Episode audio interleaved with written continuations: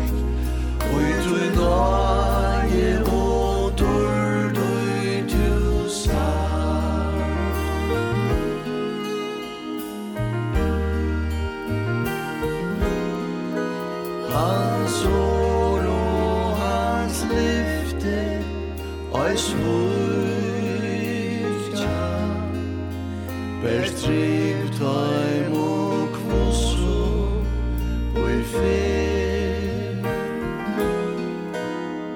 Fær så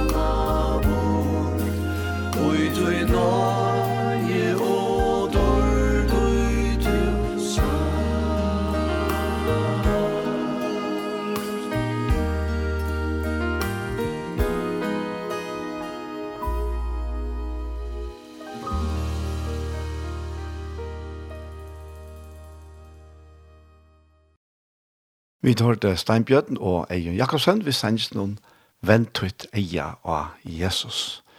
Og nå får jeg som sagt å sende hese her kjentisene som vi selv har gjort for nå nok så nekk von Arnsjøen. Jeg får begynne vi en spørning til tøyen. Veist to kvært og er til ståre løntermalet i samband med det at bli frelster. Og vi kan fortsette hans spørning eisne. Og Veist du hver store løndamali er og jeg være varvetter og i frelsene. Hatt er, er tvær ekla gode spørninger, ja. Jeg er alt mer uh, vi gods hjelp og vi gods åre, vi heile andans hjelp, at uh, for å tale gods åre til døgn, så er det at du kanst uh, suttja meira, ta i, uh, vi tar tossa saman av løtta, enn hva du gjør i åren. Tøy Guds ord er så rykt og til det som leder opp for oss. Altså, løndamålet til til at en menneske kan bli frelst. Og eisne løndamålet, det henger øyne jeg sammen eisne, til at man kan bli varveiter ui hos her som frelse. Det som er, det som er opptek med øylanek for tøyene er at det virker for meg som at det er øylanek mennesker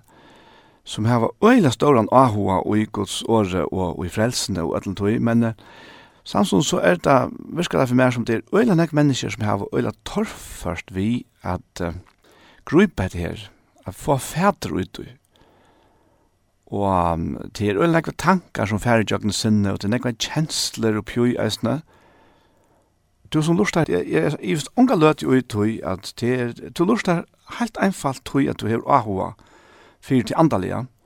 Du er verdig til, så jeg mener, altså, det er så nek anna at, som kan teke inn restna. Så grunn til at du lortar bænt nu, til tog at du kjenner innan ut en langsel og en hunker etter gode. Og du vet kanskje ikke en gang hver han kommer fra, men jeg kan fortelle deg at han har god selv lagt ut. Men det som er øyla viktig i samband med frelse, av et liv, og at uh, livet sammen med Jesus, og hava et, et andaliga liv som du, som du kjenner av flere mennesker hava, men du kanskje sakna deg selv, etla kanskje til at du uh, hever givet og lyd, yes, men at jeg føler så vekt, og du kjenner så veikan og trøttan og måan og sånn. Så det som er veldig viktig her, det er virkelig a suttja løndamal. Og jeg skal få lesa for deg om løndamal, forklare deg hver og hver det er. Så det er nemlig Jesus Kristus, som er løndamålet. Han er den store hemmeligheten. Tøy kjemt an på hvordan, så sørst du på til sjølvan? Tøy du hokser om frelst. Er du frelst? Hvis du spyrir beinleis. Er du frelst? Eller frelst? Hva um, hvordan reagerer du ta? Reagerer du som så at nei, det tør ikke sier? Eller um, sier du kanskje, jeg, jeg vet ikke ordentlig, Jeg, jeg vil til håpe det, men jeg er ikke veldig sikker ut i. Etla, jo, jeg har ikke givet mot liv til Jesus, men jeg vet ikke ordentlig det. Er du en av teimen, så vi er velkomna lort til vi får lort til gos året. Og til det her, og vi, vi finner svær på alle okra spurningar. Og hva skal vi at? Jeg har bie, og jeg kan godt bie enn for fremst rett. Jeg har bie heile andan om å hjelpe okken tog at han er andre sannleggene som Jesus taler om, og det er han som, som faktisk, faktisk bare han som verilig kan leta året om Jesus og om det evige liv, om frelsene, opp for okken, så lesen at vi får fætre ut. Så vi blir bare en av en feir, og i Jesu Kristi navnet, så blir vi om at du vil heile andan og leder tøyt dyra bare år opp for okken nå så at vi suttja Jesus. Fære vi takka det her i Jesu navn. Amen. Og jeg skal få lese her ur, ur Efesus kapittel 1. Her er um, nekv kompakt vers a byrja vi. Ta jeg sier kompakt, så er det at jeg mener at det ligger så øyla nekv pakka inn ui hvert einasta versa. Ja? Og tøy, kanskje ofta vi leser det sinde kjøtt, og, og vi gjør ikke ordentlig tøy til at se dere ui hva er det som stender her, men det er alt jeg så for gjørkvalt. Jeg tror det er bruker sånn tøy på disse versen her. Jeg vet ikke hvordan lengt det kom her i første kapittel. Nå får jeg så ikke, vi kan alltid begynne. Og i første verset, i første kapittel her i Efsos Brannon, så stender det at Paulus, vi vilja Guds apostel Krist, Jesu, til hine heiløve, Og i Efesus, de som tryggva av Kristus Jesus. Ok? Altså, han skriver til en heile i Efesus, og, at, og til, til de som tryggva av Kristus Jesus. Nøye ver vittekon og frigjør fra gode, feir okkara og herranon, Jesus og Kristi. Og så er det her kommer langt løndamalet fram her, at det er at tryggva av Jesus Ja, men hatt hatt vi hors oftan sido. Jo, men men te er te er landamal. Te er at trykk av Jesus Kristus. Så kan man spyrja hva er det at trykk av Jesus? Hva er det at trykk Jo, te er at lyda av. Ja, det har sagt eisen at det er vi allar sånne tingt at kvila ui og av honom. På samme måte som du faktisk, du, du kommer mor og trøtter, Og så seter du det nye av en stål vi alle sånne ting da. Du, du, du kviler av hans nere. Og til det som det menes vi, han sier her, om det som tryggva av Kristus Jesus. Han sier, nei, er vet ikke om du fri fra god til feir okkar og herran Jesus Kristus. Lova vår være god og feir herre okkar Jesus Krist. Han som hever sikna okkon vi atleir andalige sikning ui hinun himmelska, ui Kristuse, eins og han utvaldi okkon ui honon, åren heimeren ved grundavur, at vera heiløv og ålastande fyrir åsjons syne. Toi ui kærleika, til skilai han okkon framan undan, at få sonarkår tja ser, vi Jesus Kristi, etter fruja rai vilja syns, nøye dård synet til prus, som han fagna i okkon vi Ui hinun elskar jeg. Og vi skal lukka stekk av her, for fyrst. Og tog at her, her sted, her sted, så er han ekk for det. Så her du, ta to hikker på det sjolvan, hvordan sørst du det? Hva er det du hukser om det sjolvan? Sørst du, er det nekka, nekka som du helder, ja, men, vi mer er ikke som er nekka noe godt til frelse. Og hva skal jeg ta passa resten? Så det er det ikke unøkron som helst menneska. Men til tog det så øyla tøtninga mykje at vi hitjo på Jesus. At vi sutja han. Tog vi at hitjo på okken sjolva, så missar vi bare måta. Tog at ongen kjenner okken sjolva så godt som vi sjolva. Ja. Og vi vita hva vi er. Vi vita vi vi kanskje kunne røyne hava en fasade og en maske i for øre menneskene. Det har vi øyla nek brukt av oss. Men innast innan så kjenner vi det oss selv. Vi vet ofta at det her er bare masker som vi har for det lukkar som at klara tilværende. Men, uh, men hva skal jeg Vi pjøst ikke som maskerne her. Tog, vi pjøst ikke hitje på okken selv. Vi er kattleir til å hitje på Jesus Kristus Guds son. Tog, det er ui og vi hånden at God hever veitt frelsene til heimen og inn i heimen. Og ta vi sier heimen, ta hos år sier heimen, ta meiner han vi ødel mennesker i heimen. Ødel mennesker. Så to er, er innbefatter i det. Og vi Jesus hever god, så hever han til først heimsens mennesker.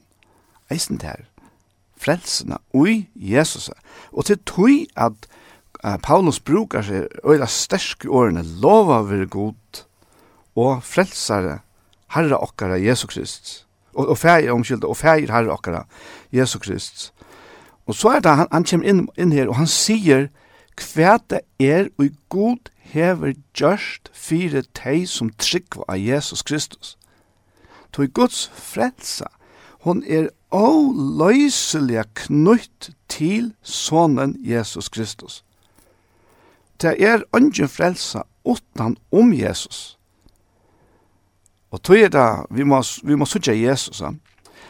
Vi lever i en heime hver og vi er utsett for å medalja nekvun inntrykkun til øyla nekv inntrykk som koma til okken av öll og faktisk ongar det som er tøyene nu og nu kjem forskjellet fram som årekva sinne tja øyla mange ja nu har jeg funnet et judas evangelie og ja men det sier jo nekka helt anna og Og så kommer enda bogen og det her, som filmeren om Da Vinci, Kodna og og og og mennesker blir øyla forvirra av oss nær og det er så øyla nekk for sånn impulser. Og hva skal man tryggva? Ja, det er det. Hva er det du? Det er det som avgjer det er tøyna tøy nu og eisne tøyna framtøy. Og det er det samme for meg. Det som er lydja, det som er tryggva, Og sært nå, det er ikke noe nøyt til at liknen er kommet inn i heimene. Så alle som forvirringene som er, han er ikke nøytjer som så såleisene. Han er vært helt fra byrjan av, helt fra tog av dere første foreldre. ta et her finge bøye fra gode om at jeg kunne ete av øtlån trøvn og urstageren, men bare ikke av de ene trøvnene. Og tog tann dagen skulle det visla dødja, sier god herren vitte, ja. Men så kommer slankan inn her. Og begynner beina veien å så iva. Og vi er så iva om Guds år, så kommer slankan inn vid liknene. Og fer fresta mennesker til at tryggva liknene. I stedet for å halda fast vi Guds sannleika. Og trykk om synden inna, og tann forvirringren, og tann slankan er stadvekk til stier i heimnån det, og hon forvirrar öll mennesker røyner er forvirra öll mennesker. Men vi de hava Guds år, og her at sett hava vi eisne heila i andan som er given fyrir a sannføra heimen om synd, rettvis om dom, og til at åpenbæra Jesus Kristus fyrir okkona. Så det er til øyla viktig hva du trorst, og hva du er tryggvendt. Tui urslit det vær, som sagt, det vær etter tui som vi, som vi trykva. Men Jesus er åpenbæra av fyrir at vi vi er suttje han skulle bli frelst. Få av liv. Få liv og innehald her og i livet og ikkje minst om ta og vid fære herfra. Det som han så sier her, eisen ja, til det at, at God hever, han hever utvalgt okkon ui Jesus langt åren heimere var grundavr. Så hvis to ganger og hoksar om om to nu erst her i heimnon og aløyve bær av tilvild, så er det så lengt fra sannleggan som det kan være. Det god hever kjent til, og han er kjent med fra at åren heimeren var grundavr, og han utvalgte okkon ui Kristusen Han utvalgte okken i hånd, og er en heim av og han utvalgte okken til å være heiløv og ålastande for Asian sønne. Som sagt, det er ui Kristus. God gjer hetta verst gjerra. Tui sier han, tui ui kærleika, til skila han okken framman undan at få sonarkår tjass her vi Jesus Kristus, og det gjør han etter fruja rai vilja viljasyns. Så, så god, han er en god som elskar. Han elskar mennesker. Det er et, et, en vrengmynd som, som eisen, den samme slankan hever givet mennesken av gode, at han er en strenge god som bare er, er ute etter at øyeledja mennesker, og at straffa mennesker, og at alle tøyene er ute etter åkna. Det er en vrengmynd som djevelen kommer vi. Hon passar ikkje tui Jesus Kristus er kommet inn. Jo, det passar er god hever uthelt av reie og sånn dom iver sintna, og han hever han hever, han la han kom inn tui av, av akkurat fyrst og foreldre, ja, det passar, men så kom Jesus inn i myndna. Så kom frelsaren inn og i bøylad, ja. Og tui fyrir öll teg som lyd av Jesus, som bare helt einfalt lyd av Jesus, og det vil sija, til dømes at man ikke lyder av sine egne rettvise, at man ikke hever nægra vogn om seg sjølvan og utvis man sjølv klarar, men fær egin av ætletøy og så ser Jesus. Og her vi fær tilførst vogn og av et liv.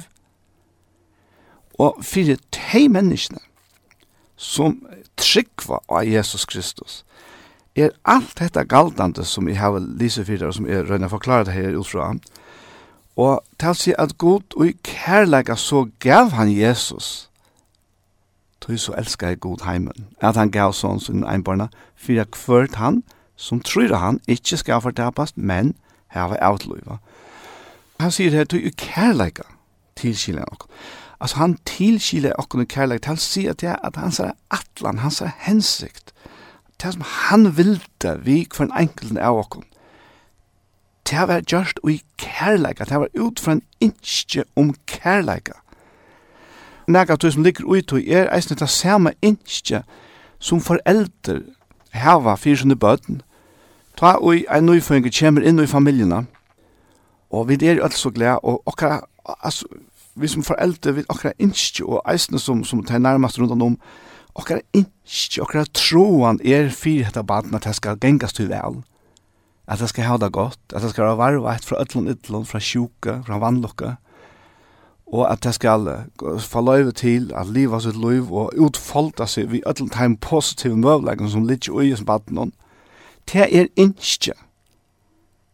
Tja ein og kvarjon foreldrene, og det er det her kærleggen som som god uttrykker her eisne, at vi kærleika til i han okken. Han valde okken ut ui Jesus til hette her. Og han sier at han hev gjørst hette her etter fri av rai vilja søns. Altså, det vil si at hette her ongen som hev bestemma ivegodet etla. Nekar som, nekar som han hev spurt til oss om hva han skulle gjøre vis menneskene som var fattelende sint og, og, og det er jo sint og miskjer. Nei, Han valde sjølver frivillige at djeva sånsyn fire at vit ui honom kunde bli, som man sier her, fagna, han fagna i okkon vi honom.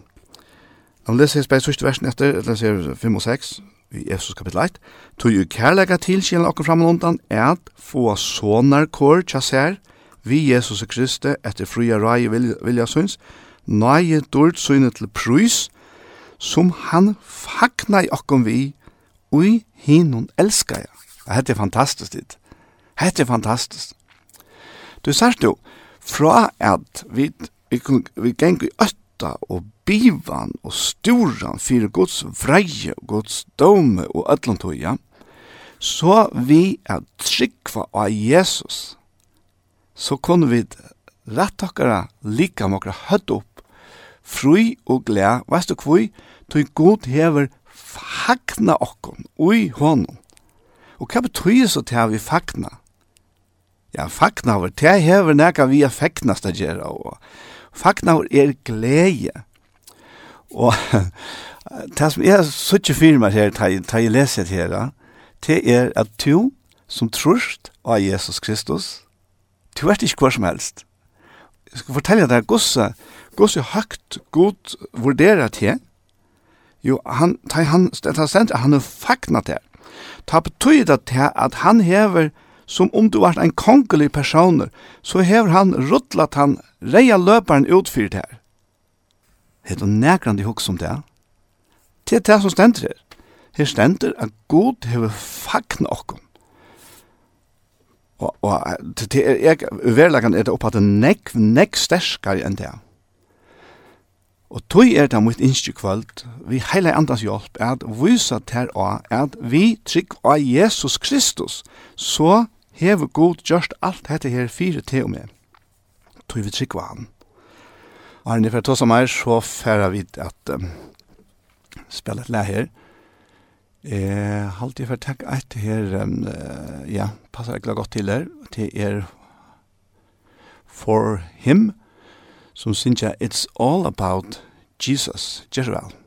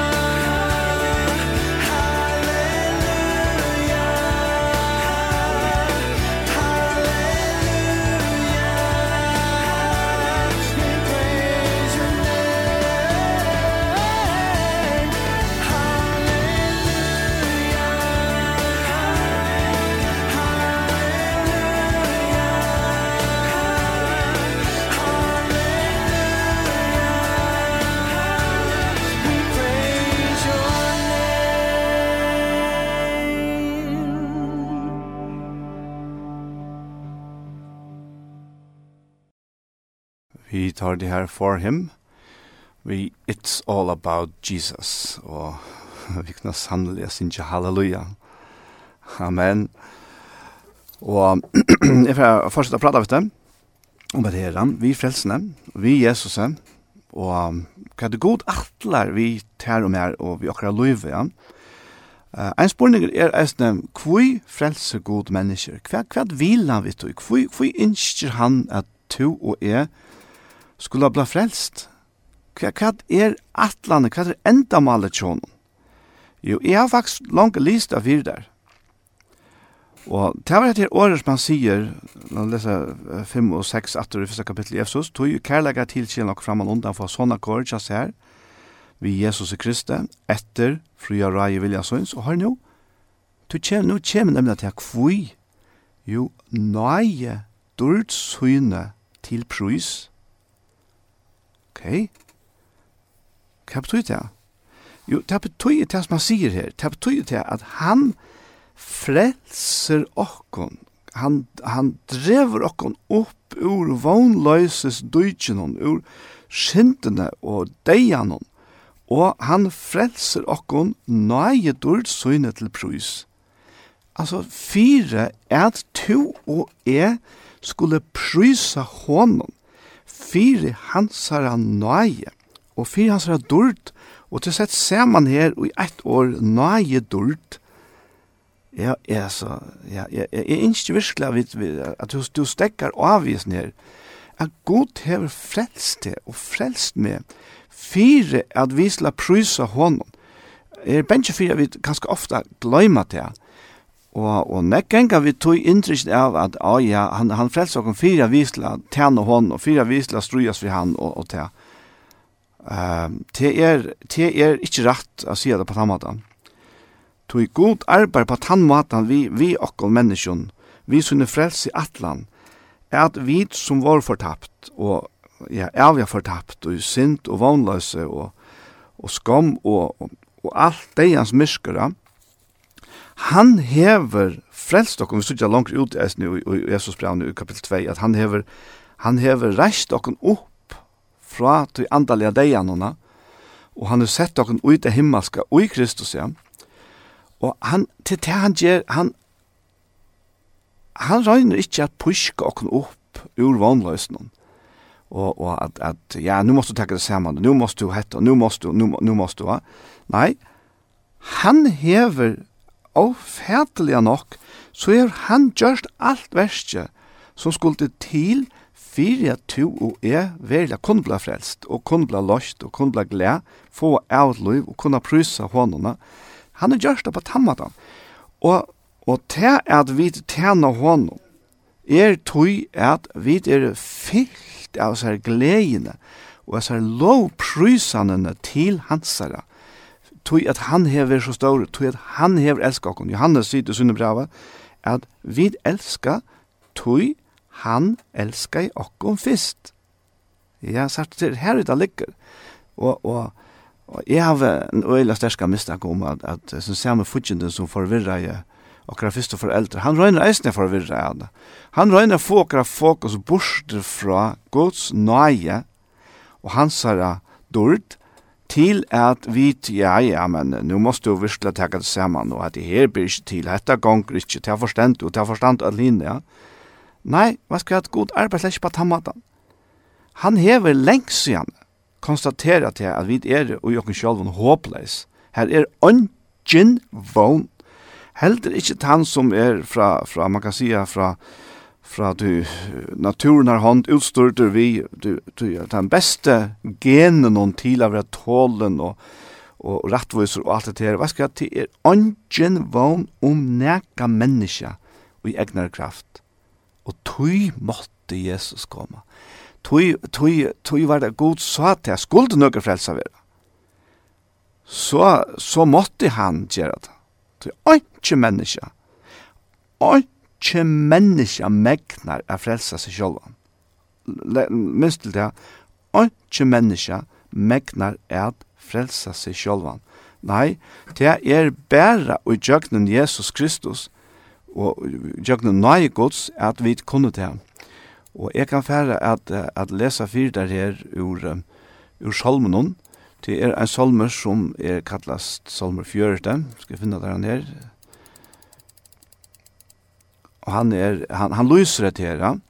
Og til David som skriver han og han skriver her at er vånaje og vånaje av Herren ta bak til hans til min og hørte rop mot og han drar meg opp ur undergangsgrøvene ur hinom bottenleisa døytje han sette føtter mine er klett gjør det stimene fast og han leie og i munnen min nudjan song lovsong til god okkara. Mong sutja det og øttast, og seta lutsyna til herran. Så, så te at tu og e prysa is her nøye ord gods fire frelsna. Te fører til te at andre mennesker sutja te, og øttast til sige at te, og, og seta lutsyna til herran, sier David her, te, te begynner sutja en nødja møvleika og, og, og ok, og begynner å få en, en viring for gode, som bare tilkjemmer honom, til det er bare god og jøgnen Jesus Kristus, som kan frelsa mennesker. Så, så han er frelst dere til dette ene endamal, at vi skal prysa hansara nøydord. Og hva skal vi at, til å vi aldri og i allar æver at bliva lio vi er gjer. Og tøy er til, til, til, til, til meinje vi skal byrja langt her. Djeva honom er, djeva honom takk, prysa honom, lova navne hansara. Takk og honom fyrir at ta ui er røp, som, som David sier her sammen, ta i vana, i vana, i herra. Det er altså et råp om min innere steg opp til han, Herre, hjelp meg, hjelp meg, frels meg, bjarga mer, akkurat som Peter røpte ta i han fyrir vi a søkka av altnona, eller ui altnon. Herre bjarga mer, og i Rombraun kapitel 20 lesa vi at kvørt han og kallar av navn herrans skal vera frelster. Så, så god hever, hever lagt dessa veldige frelse iver av te planet at han som ser til at jeg kan ikke sjølver, og her utfra råpar av Gud om frelse, oi Jesus, råpar av Jesus, ja, men Gud frelser. Han bare lytter opp, han retter hansen ut, og han drever mennesker opp i undergangskrøv. Halleluja, halleluja. Og hette er Guds frelse ditt, hette er Guds frelse. Og det er ikke andre frelse som ber, det er ikke andre frelse som helter. Og han hever ikkje, han hever ikkje atle at det er bare en bestemt type av mennesker som skulle, skulle eie seg frelsene. Nei, for eneste ein som kallar av Jesus, som lyder av han, fær lot i seg frelsene. Og vi skal fære å lese vi er her eisne. Og han sier her uh, at uh, Og i vers 1 og i, uh, i Efsos brannon, kapitel 1, at ui honom, og at det peikar at til Jesus, prøva to sjálfur eller sjálf at les Efesos brev i jøkken og særlig kapitel 1, eller ja, nå er det halvt kapitel 1. Prøv hikk etter gos i ofta til å vurs til Jesus, og ofta vil det flere finner i samme verset, som ui Kristus i ui honom og, og så vidare ja. Og i vers 6 stender ui honom, altså ui Jesus, heva vid endur løysingina vi blåve hansara, fire djeving sintana etter nøye rydgedøm i hansara, som han rykliga let koma iver okkon ui ötlun vysdomi og vite, ta i han kunngjør til okkon løndarmal viljasunns etter fria reisunnon, som han er tidsi tjassa sjolvun, om hushalt i fytling tøyana at han atter skulle sauna alt til eitt i Kristus. Det som i himmelen er, og det som i jorden er. La oss begynne vi, vi vers 1 og 8. Og her som man sier at ui honom hava vid endeløysingen, vi blå i hans fyrirgjøring sindana, sart du, og det er her ui problemet ligger, det er okra sind. Sinden som vi hava arva fra okra foreldren, som atter hava arvana fra sønne foreldren, og, og, ja, og så er det ferdig heilt til okra fyrste foreldre, heter arveren vi da finnes fra taimon, synden, deians mysker, fortabelse, borstekastelse fra gode, og, og det er, altså, ikke alt om vi synes en heim rundt om okken som, som til syndladen til fungerer, ja, men fungerer det ikke? Hva kan vel, hva er problemet? Jo, det gjør det, men særlig, det er, det er som en avskåren planta, Du kan godt, uh, ja, vi sykja der, jeg har ganske nevnt det før, ångte eisene, til jolar, så har vi et uh, jolarstrøyne standan i stovn tjåkene, og det sykja så pen og grønn ut, men vi vita at det er avkvett. Og til å si at det er bare en spørning om tog til det er eisne sast ut i ytra, at løyv er helt i pæta virka og i sin trænen. Hei, det finnes fri av stegi, og i skåne, så er det at noen år finnes løyve til å vakse seg så størst at det passer ikke inn stående til noen av åkene.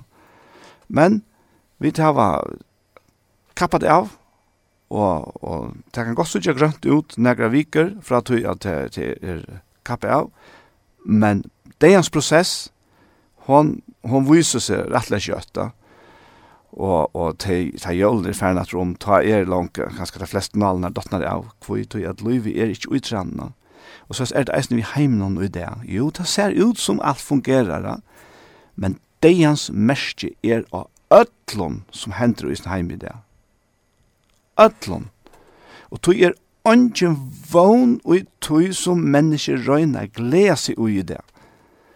Sjalt de mest berømte, de rykaste menneskene, Så kjøtt som det kommer ut om det som det doa, om det så er å spela sjønlag, eller om det er at det har funnet et flott konsept på et eller annet produkt, eller som man blir øyla rykere av, så kjøtt som det kommer bort ur tog og det gjør det. Så, så, så man skal jo sova, og man skal etta, og så videre, så, og, og du kanst ikke alle tøyene, vi, vi, vi klarer ikke å konsentrere oss om arbeid, arbeid, arbeid, arbeid, alle tøyene, men det er nekk mennesker, eisende vanlige mennesker som røyner, at døyva, at det her, ja, han er smatchen av deg som ligger i alle menneskene. Vi er røyna at fortrøndja det, tråka det borster. Vi er vera øyl opptidjen av ein til ørena. Men hva skal det? I kvöld, så ikke peikar av Jesus enn enn affyr. Til Jesus kom og tog deians bann, han kom og og han gav sitt liv, ta han gav sitt blå, ta gav han sitt liv. Hva gav han det fire? Jo, han gav det fire okkara deia. Han gav det fire syndarinnar bann som ligger i alla menneskjon. Ta gav han det til fire, og tog stendet det her at vi hånden hava vid endur løysingina. At vi, altså, vi øren åren, vi er løst at atter til god feir okkara, utlåst atter, enderlåst atter til okkara opphav, til god i himle feir okkara som er skapt okkara. Og det hender vi blå i hansara. Og tog det er etter fyrir årene, vi har finnet sånne kår, tja gode vi Jesus Kristus. Halleluja. Halleluja. Hatt er, hatt er øyla, hatt er, hatt er øyla nekv. Det er øyla nek, men det er det som jeg begynner etter å si, si jeg vet det. Men, men det er gav vitt det er at jo, jeg ønsker at det skal bli så nek at det virkelig fører Guds liv inn ut i hjertet, etla om det er her, og kanskje er, er, er uh, døft nyer, etla kanskje enda omgå det er ordentlig finner liv til å blusse opp, at det skal blusse opp. Så jeg får spille en sang av træt her, og, og jeg får takke uh, Malen Sagariasen, takk Takk, min Jesus. Gjør så vel. Aldri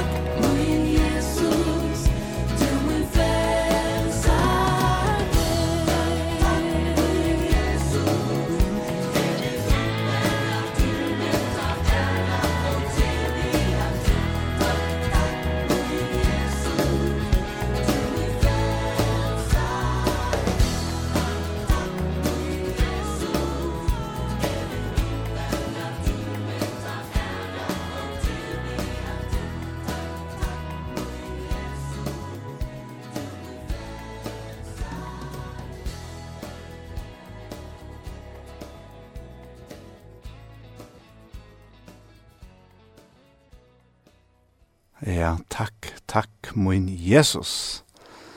Halleluja. At det her er en tilbilsanker som så nekker ærer, og til vi tilbyr han er det er ikke bare teater vesentlig, men det er det som jeg, jeg forklarer av Johanne, det er faktisk til det snur seg om.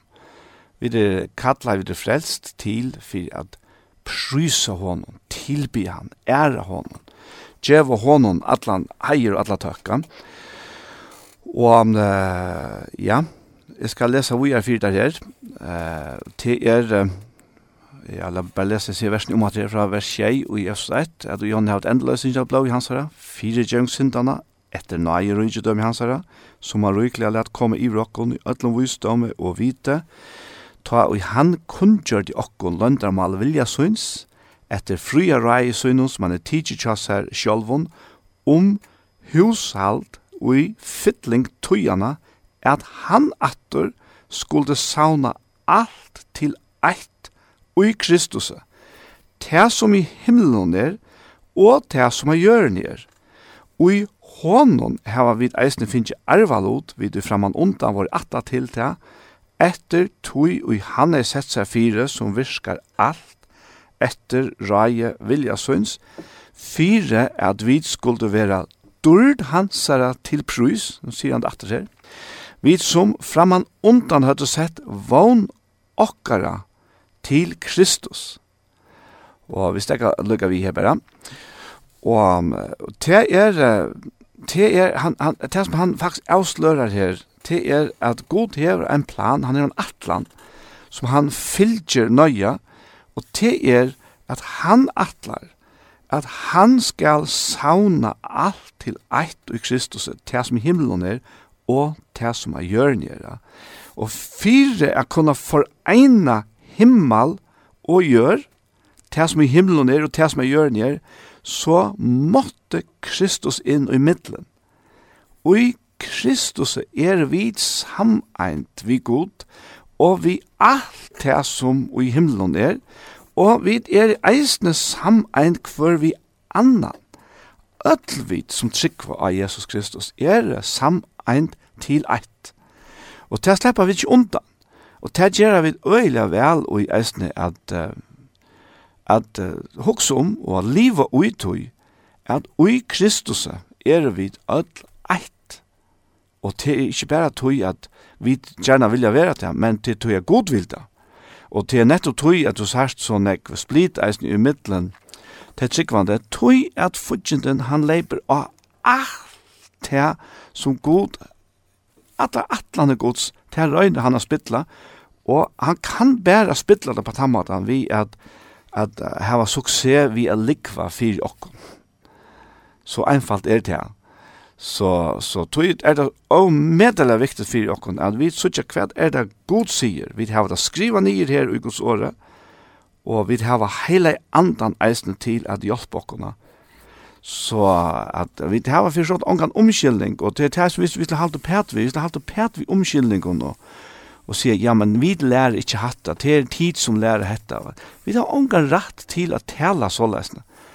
Tui at uh, vi har kus år og å se kvar ein samanhenge vi så er ui og, og, og da må vel vera god var sikkert det Så det som det dreier seg om til er at i Kristus er vi deit. Det betyr ikke det vi er eins, Og det betyr helt vi så det helt ikke til at nå skal vi, vi, vi tvang og lov for at tving oss sammen.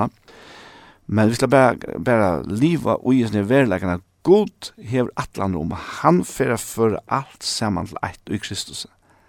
Og ta i tøyen kjemur, ta i tøyen er byggven, ta i tøyen er inne. Så, så, så kjem det suttja, så kjem det at, at, at, at vera skjønnlet fyrir ötlun, at God hever fullførst atlan, Og det er det Jesus kommer atter. Det er det. Og jeg mener vi at uh, jeg, jeg er alltid nok så snilt at, at innrette seg på at det liv som verer og ikke ikke bare livet og i tog som er, er bare nå og det som er halte nå og det som vi halte nå men at ja, men hva er det god atler?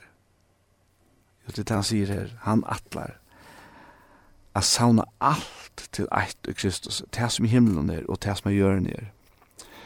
Og han sier her, eisen vi er her som vi leser fyrt, at, at i Jesus er så har vi eisen finnes arva lot, vi er framan undan vår atla til det, og til sipar til det som han sier fyrst i kapitlen om at god framan undan, og er en heim var grundauer, så har han tilskila okkon,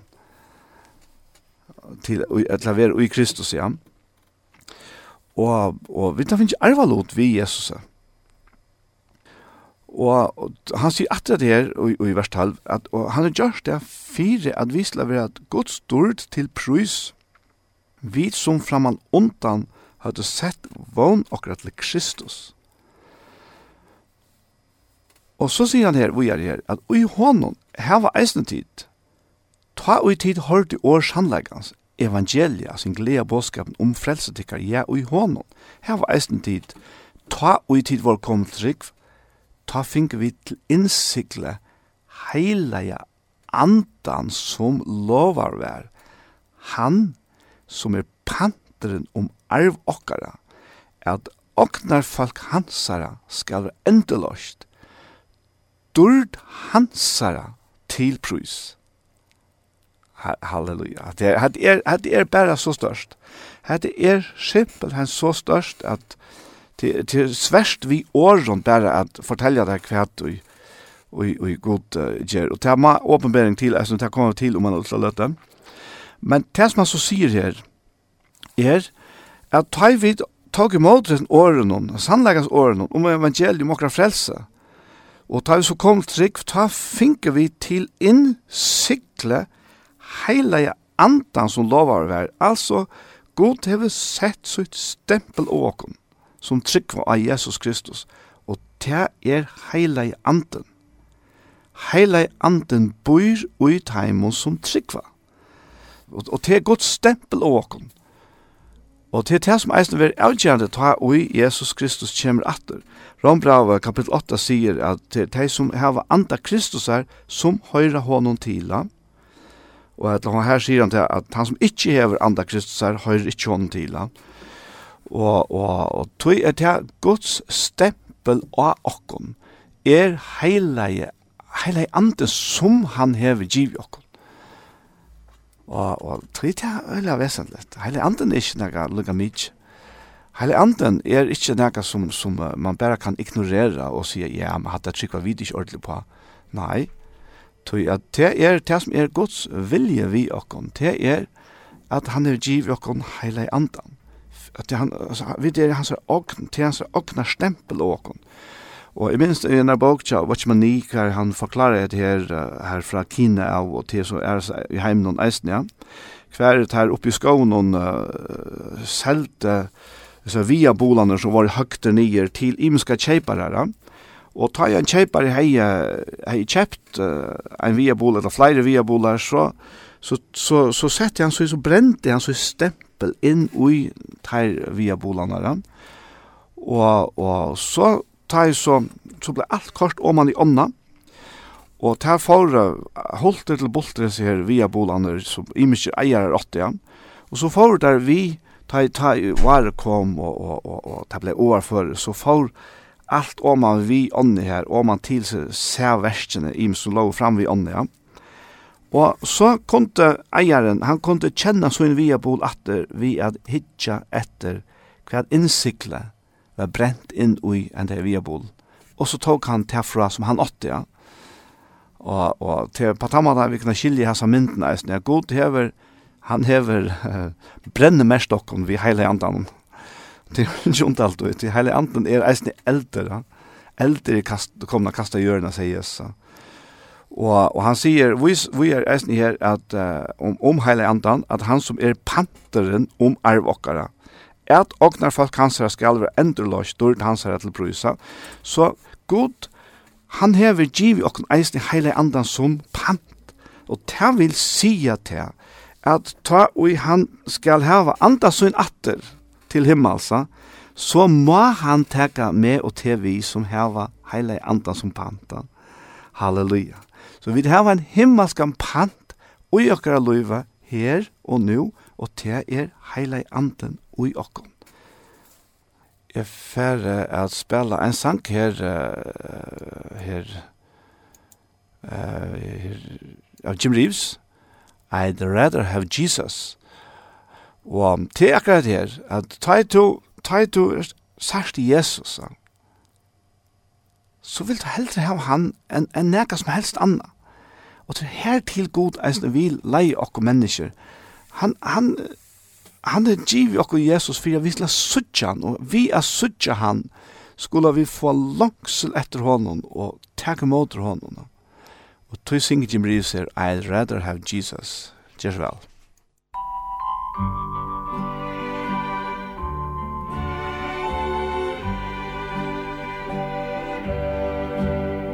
I'd rather have Jesus than silver or gold. I'd rather be his than have riches untold. I'd rather Jesus than houses or land. I'd rather be led by his nail pierced hand than to be the king of a vast domain and be held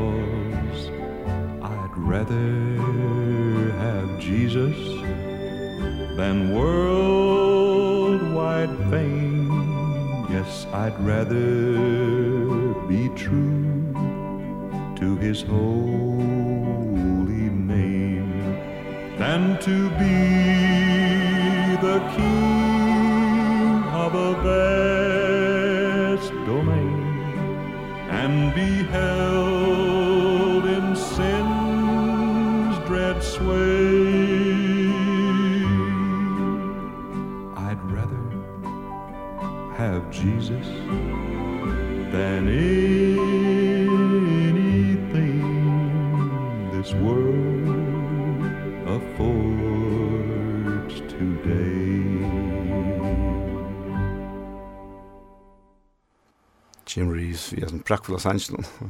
I'd rather have Jesus. Og um, jeg vet ikke om du har hørt uh, søvn om sannsyn. Det er, um, det er den her sangeren um, tja Billy Graham, som er, jeg vet ikke om han er liv igjen, han var øyla gammel, så han lever enn. George Beverly Shea. Han var fra norskast hundra om han lever. Han, um, og i un unge døven så Så, så jeg kan begynne jo. Jeg har skriften her, for jeg vet om jeg kan skal klare å finne seg søvnene for det her, begynne jo.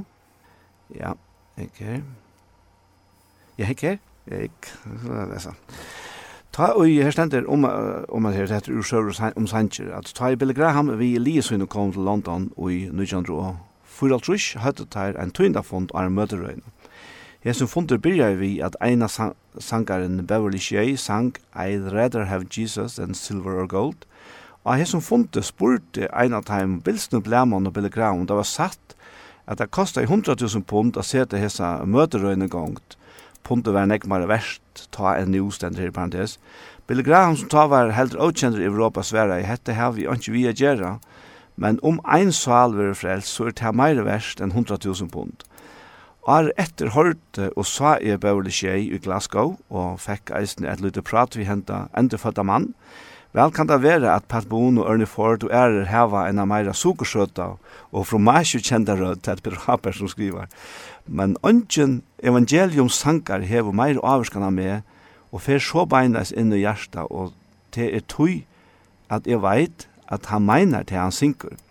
Beverly Shea er føtter og er 1909, ok, så det er nærskalt til hundra.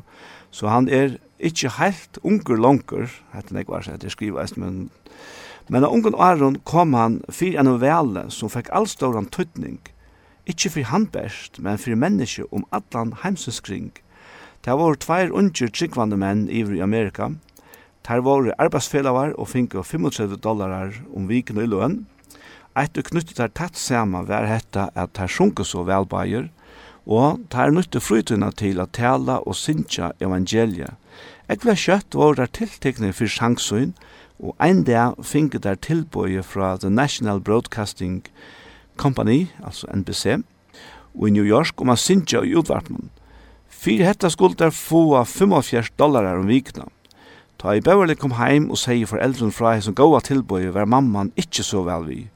Papen var kanskje sinter ærende av at så nekk var hildig om sonen, men hon sa skilja at for George her a sinja, så slapp han ikkje undan a sinja alla møvliga sanger, og så var a stura fyre at han får a gluja borster av Tarre Gaulai og i herrans verste som han var kommet inn av.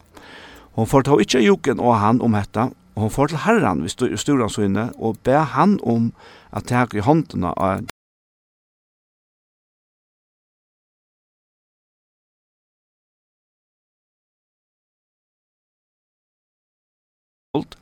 Stillesliga får hun innar stovna og sette blei opp av klaveret. Herr George sette seg så tøyt og knapt han var innan dora. Han kom heim og sette seg vid klaveret. Her var tøgnen løte. Og så får han at silva etter tangenten Og mamma skilte han var ferdig holdt ved å skapa et til sanjen. Han gjør det til alliot, og så sank han sanjen av fyrsta sinne. Men han sank gjør det innehalde livande fyrir honom tilbøye fra utvarten kom fram fyrir han, og øst en barde oppe i sal. Ta i struje var av heian valgt, fyrir Jesus en godlo fea. Så nevnt hørte i hans sinja sangen i Calvin Hall i Glasgow for 14.000 falkon, samstånds i sjøen var alt Bretland og i Amerika fra strand til strand, ens og Beverly Shea hev sunja han kattla om Atlan heimen. Vinner hans tog vi tilbånden fra National Broadcasting, og og seinast tei visste om han a sia, sank han av ein vanlig kjempingarhus i New York. Om han lever så er han eins og bævlig gammal, til underlig hoksa seg at han herskast heim åtta tid stender her. Ur bøgjene søver om Sanger 2 etter Peter William Haberg. Ja, vi skal for atter til Jesus brevet.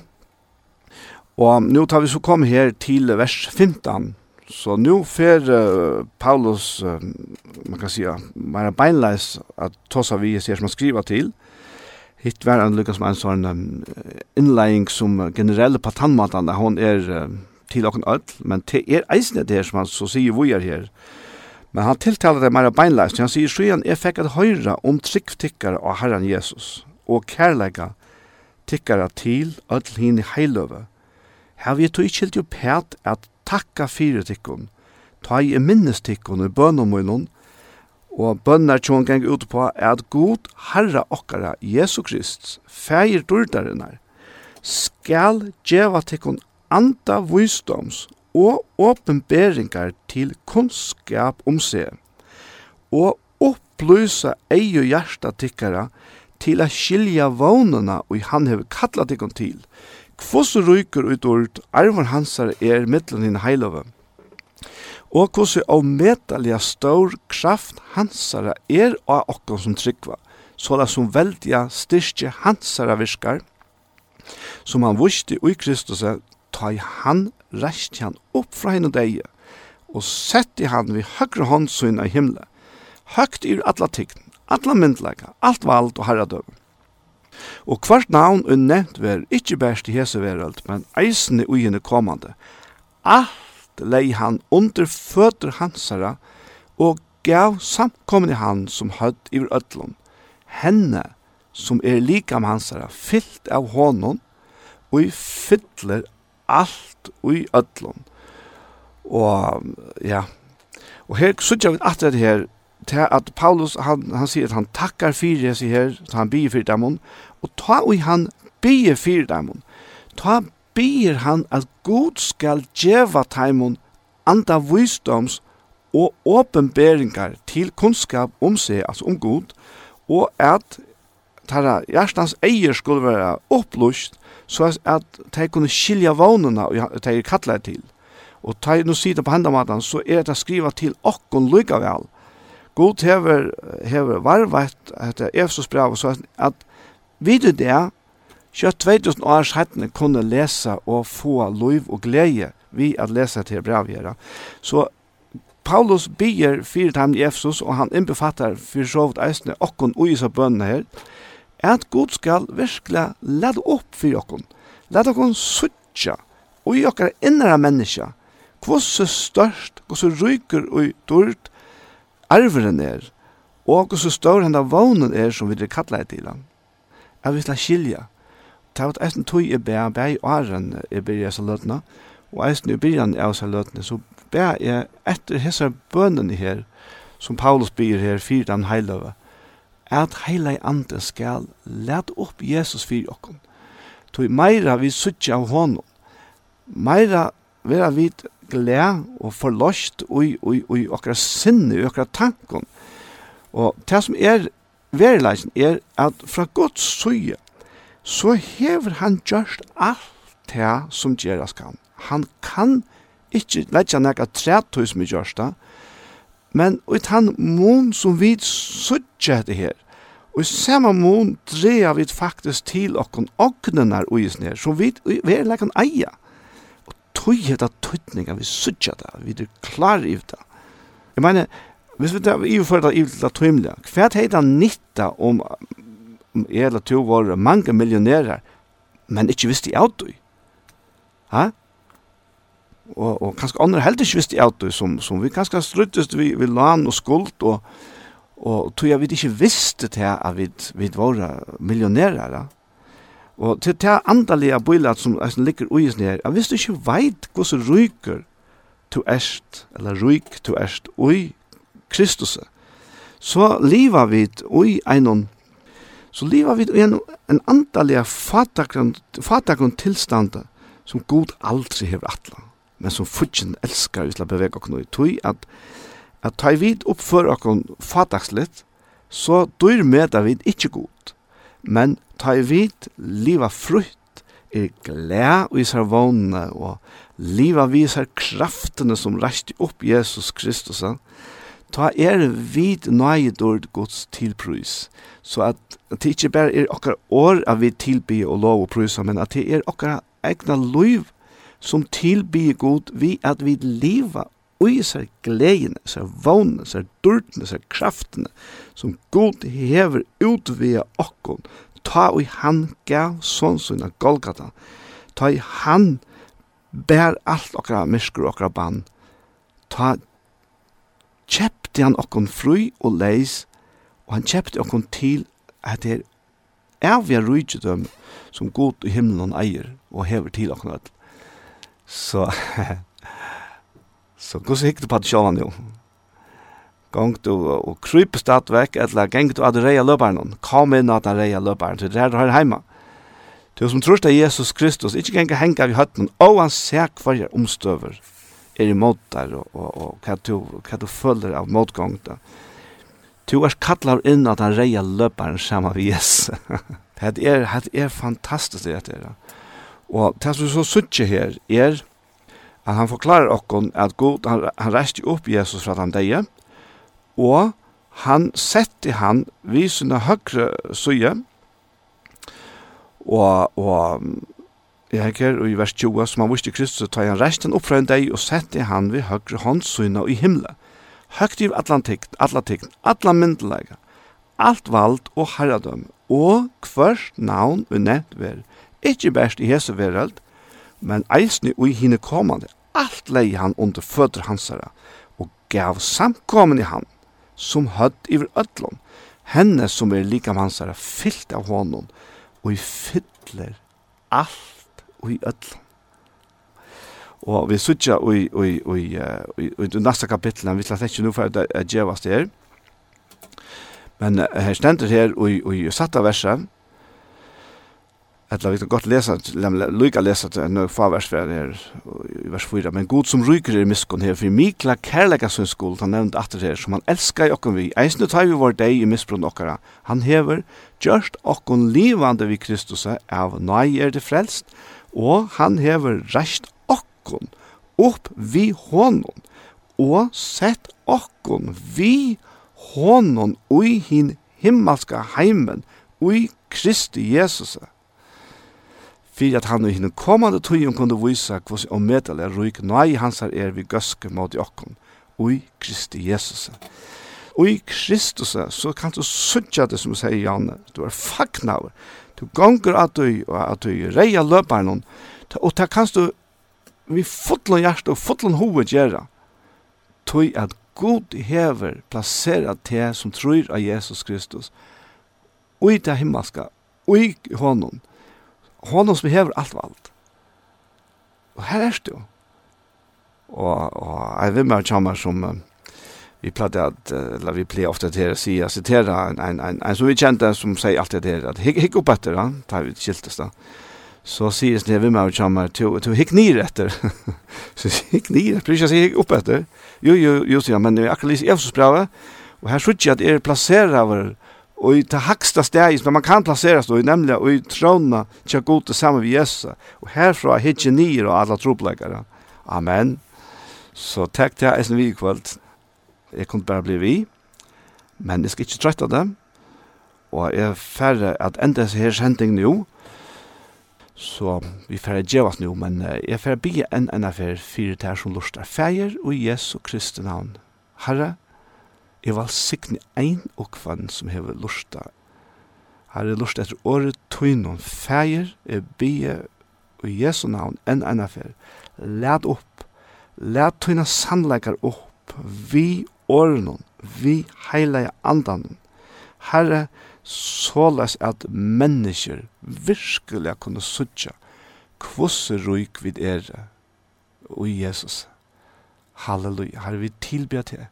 Vi takkar deg, Jesus, at du vart villig til at teka alt okra band, alt okra skommar, alt okra synd, nei og elendighet, okra kvaler, okra sjuker, Herre, alt togst du oppa til herre, og to bøtte, vi tøyden egna løyve, vi blåe tøyden, fyr alle okra herre. Og vi tilbyr til herre, vi prysa og lova navnet tøyden herre. Og feir vi bare om herre, at vi, vi får løyve til herre, at, og, og i tøy som vi suttja, herre, at genga fruttar, være glad, elska i bøtten, fyrgive mennesker, som du sjálfur hefur kjept atter til tøyen vi blå Jesus her. Fær himle vi tilbe til og vi æra til her. Amen. Amen. Så god var signe til. Hette er tøyt. Vi trunner Jesus Kristus. Vi trykva han. Og så hikk oppa Jesus. Vent ut eia Jesus som vi bryr sendingen av vi. Og vi får enda sendingen eisne vi enn først og sendingen Og det er av fløvene med halta herrens hender, og det er, mein, er Magne Kristiansen som synger han. Og det er, og Jesus let opp mine eier. Så, en, en annen fer, god valsikten og takk for Jesus fer. Og Jesus let opp mine eio, at mine år, er suttja kan e oie feir som er sjeie Han bat så ut aldri gløy mamma. Han bad så ut aldri gløy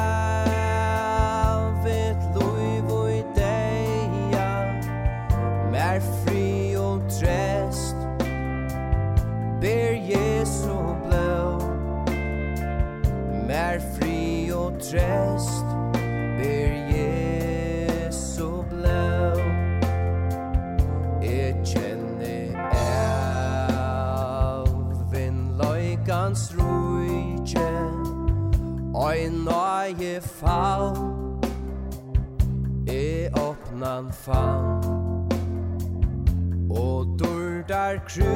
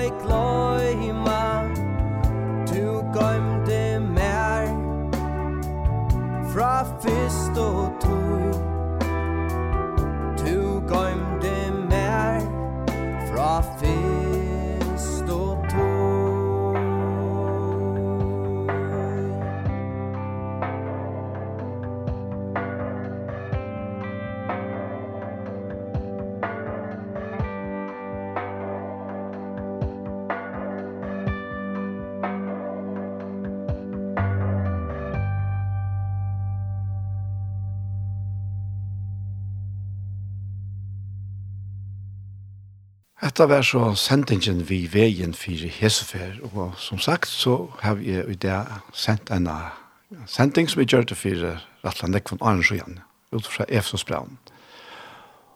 Og hente her sendingen, hon vera høyre atter, atter i kvöld, frutja kvöld klokka nutje, og atter i morgenarne klokka fem. Så etter det bare å si, tusen takk for Hesefer.